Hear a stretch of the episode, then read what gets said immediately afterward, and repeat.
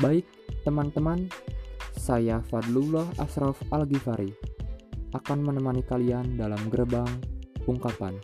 Di sini saya akan membukakan gerbang yang ada di dalam diri saya dan mengungkapkan apa yang ingin saya ungkapkan tentang apa pun itu.